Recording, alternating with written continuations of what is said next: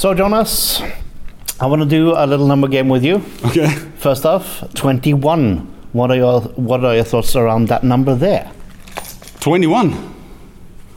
Goals we scored? That is the goals Against? conceded. Oh, 21. Okay.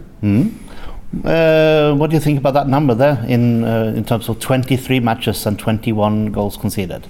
Uh, that we are not as good in first half as we are in second. Okay. and another number for you, nine. Clean sheets. Yes. Yes.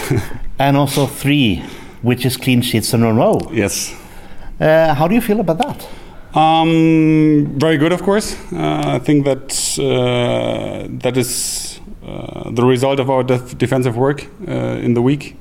Um, that the structure uh, we or the coaches try to implement uh, that is working out better and better, uh, and the clean sheets are the result of it. And what are your thoughts before the match against uh, Hamkam? challenging one again. Um, especially with uh, two week, uh, two games in this week already. Um, but uh, it's another crucial game uh, for our big goal uh, to go up in uh, to Eliteserien. Uh, so we have to win that one. Uh, and yeah, it's up to us. I think. If you just see the quality of, of each and every player, I think we are better than them. Um, but yeah, we have to give it our best shot, and only if we do that, we are able to win that game.